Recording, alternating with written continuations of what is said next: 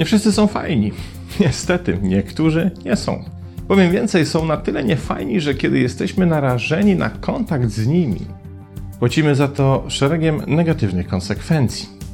Na przykład obniżeniem nastroju, utratą dobrego humoru, zmianą samopoczucia, pojawieniem się emocji, których działanie odbieramy jako negatywne, zniechęceniem, wycofaniem i w końcu stresem.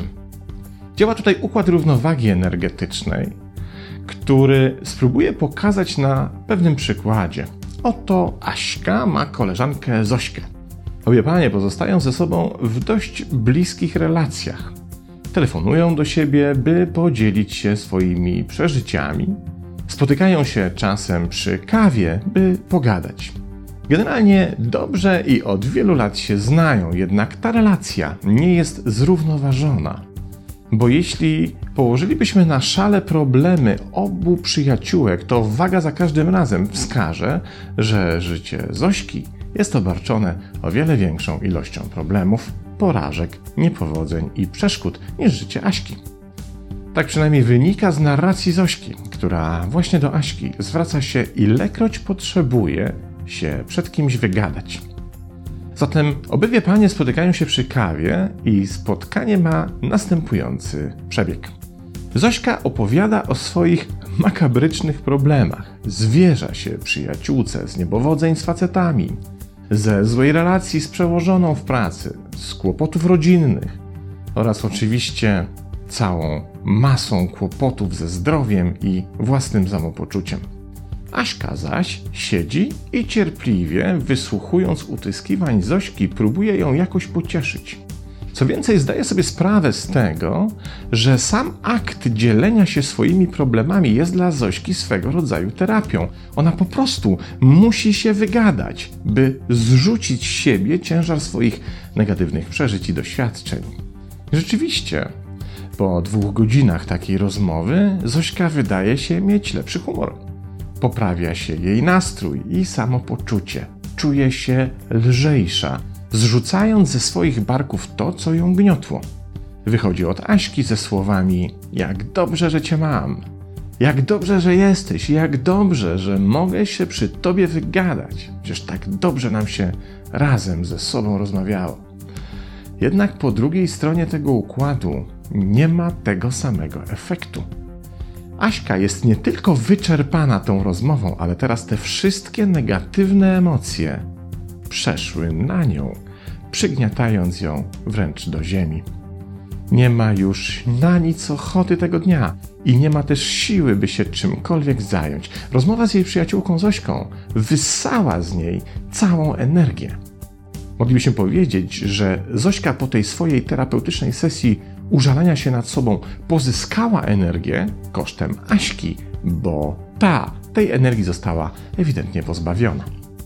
Tak właśnie działa balans energetycznego układu, którego doświadczamy nie tylko w sytuacji, w której ktoś częstuje nas swoimi problemami, ale w ogóle w kontakcie z toksycznymi ludźmi. Zresztą to właśnie po tym zjawisku energetycznego wyrównania potencjału jesteśmy w stanie rozpoznać, kogo w naszym życiowym środowisku możemy zaliczyć do tej kategorii. To wszystkie te osoby, przy których miast zyskiwać, jedynie tracimy energię. Wszystkie te relacje, w których czujemy się dużo bardziej zmęczeni niż powinniśmy.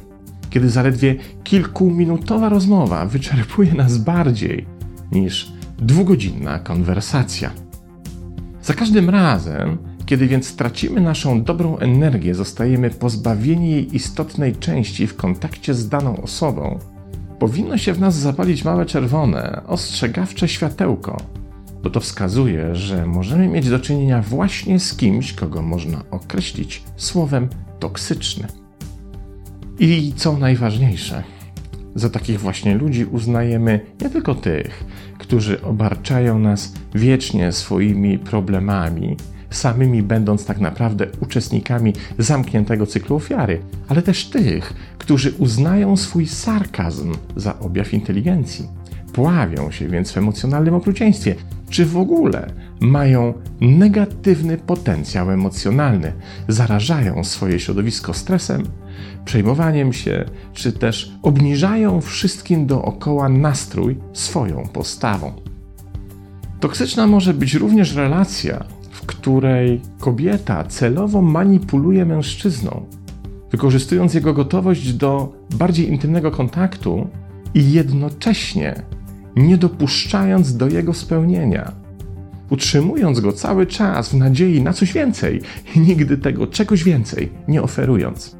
Tak samo toksyczny może być szef, utrzymując swoją podwładną w nadziei na awans i wykorzystując jej zaangażowanie, jednocześnie nigdy tego awansu nie oferując.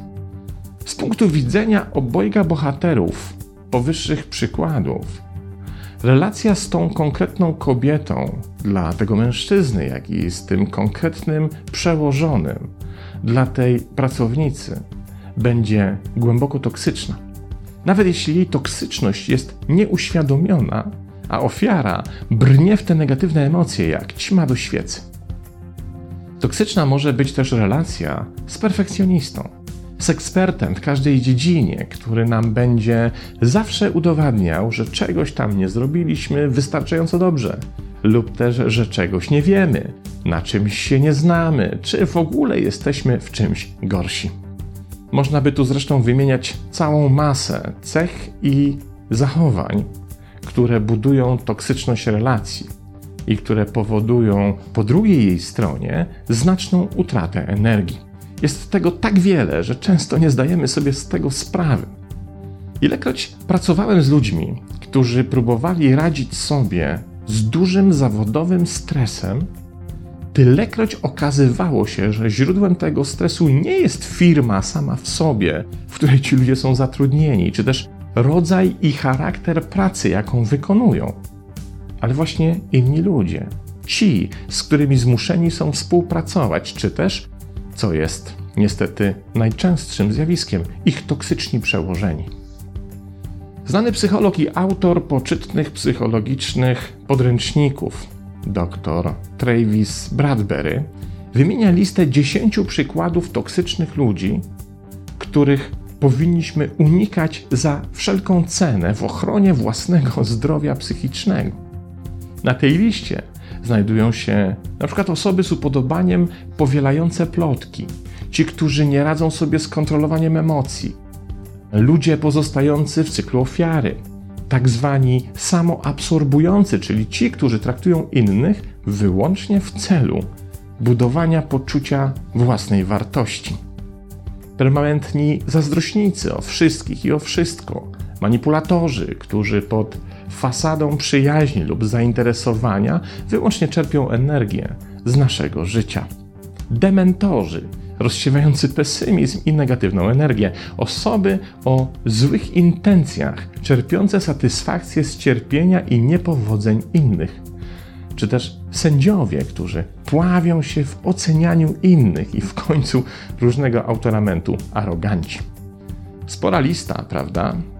Żeby się przed nimi skutecznie bronić, najpierw trzeba ich prawidłowo rozpoznać, a jedną z najlepszych technik służących temu celowi jest diagnoza irracjonalności ich zachowania, bo toksyczni ludzie po prostu zachowują się nieracjonalnie i wciągają do tej swojej irracjonalnej gry całe swoje otoczenie. Irracjonalność jest znakiem rozpoznawczym nie tylko tych, którzy zachowują się tak w świadomy sposób, na przykład chcąc w ten sposób odnieść jakąś korzyść, wzbudzić zainteresowanie, czy w ogóle coś uzyskać, ale również tych, którzy zachowują się tak zupełnie nieświadomie.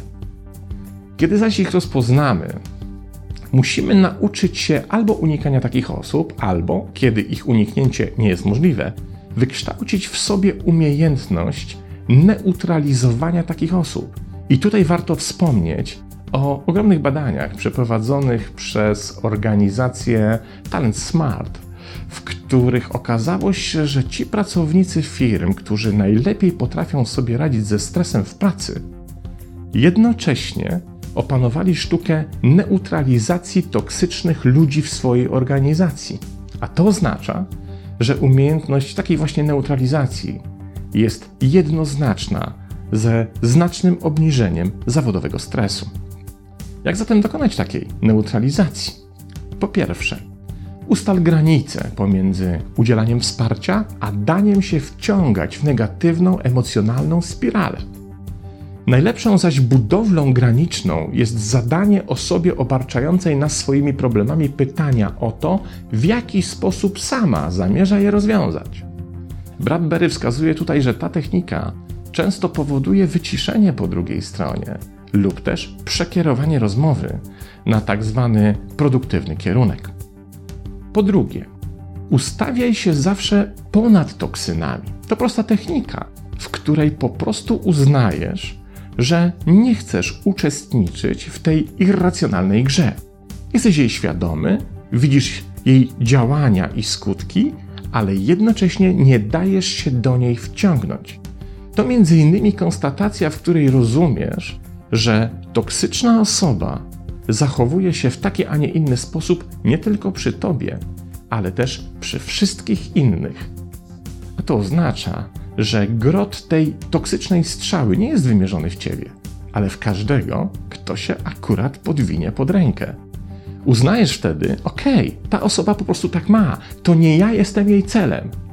I takie uznanie pozwoli ci nabrać do działań i zachowania takiej osoby dużo więcej dystansu. Po trzecie, bądź nieustannie świadomy własnych emocji i rejestruj każdą zmianę w swoim systemie jednocześnie bez lgnięcia do jakiejkolwiek z nich. To technika, w której mówisz sobie: O, w kontakcie z X pojawił się stres. Ciekawe, co jest jego prawdziwym źródłem. Stań się badaczem, badaczką, bezstronnym obserwatorem własnego systemu emocjonalnego. Im lepiej go poznasz, tym łatwiej będzie ci nim zarządzać i separować się od emocjonalnych toksyn. Po czwarte, nie pozwól nikomu ograniczać Twojej radości, dobrego samopoczucia czy nastroju. Przyjmij po prostu założenie, że Twój nastrój jest wyłącznie Twój i nikt poza Tobą nie ma doń dostępu. To technika, w której przyjmujesz założenie, że masz prawo dobrze się czuć i nikt i nic nie może ci nic wskórać, by ci to prawo odebrać. Nie jest to łatwe, szczególnie wobec niesprzyjających okoliczności, ale do zrobienia bo klucz tkwi w przekazywaniu odpowiedzialności. Jeśli powierzam komuś to, w jaki sposób sam się będę czuł, to jednocześnie, przekazując mu odpowiedzialność za swoje samopoczucie, tracę odpowiedzialność własną. To zaś oznacza, że kiedy to robię, tracę autonomię. Jeśli więc ktoś przychodzi i zabiera mi dobry nastrój, to oznacza, że po prostu sam w sobie nie potrafię go zbudować na odpowiednio solidnym fundamencie i odpowiednio wysokim poziomie. Wiem, że na poziomie werbalnym łatwo się mówi o technikach neutralizacji toksycznych ludzi, ale już w konkretnych życiowych sytuacjach dużo trudniej się to robi. Jednak nie ma innego wyjścia. Trzeba ćwiczyć bo ta umiejętność jest jak mięsień. Nie ma innej drogi, żeby stał się silny, sprawny i odpowiednich rozmiarów. Trzeba po prostu go wyćwiczyć. Za co oczywiście trzymam kciuki. I pozdrawiam.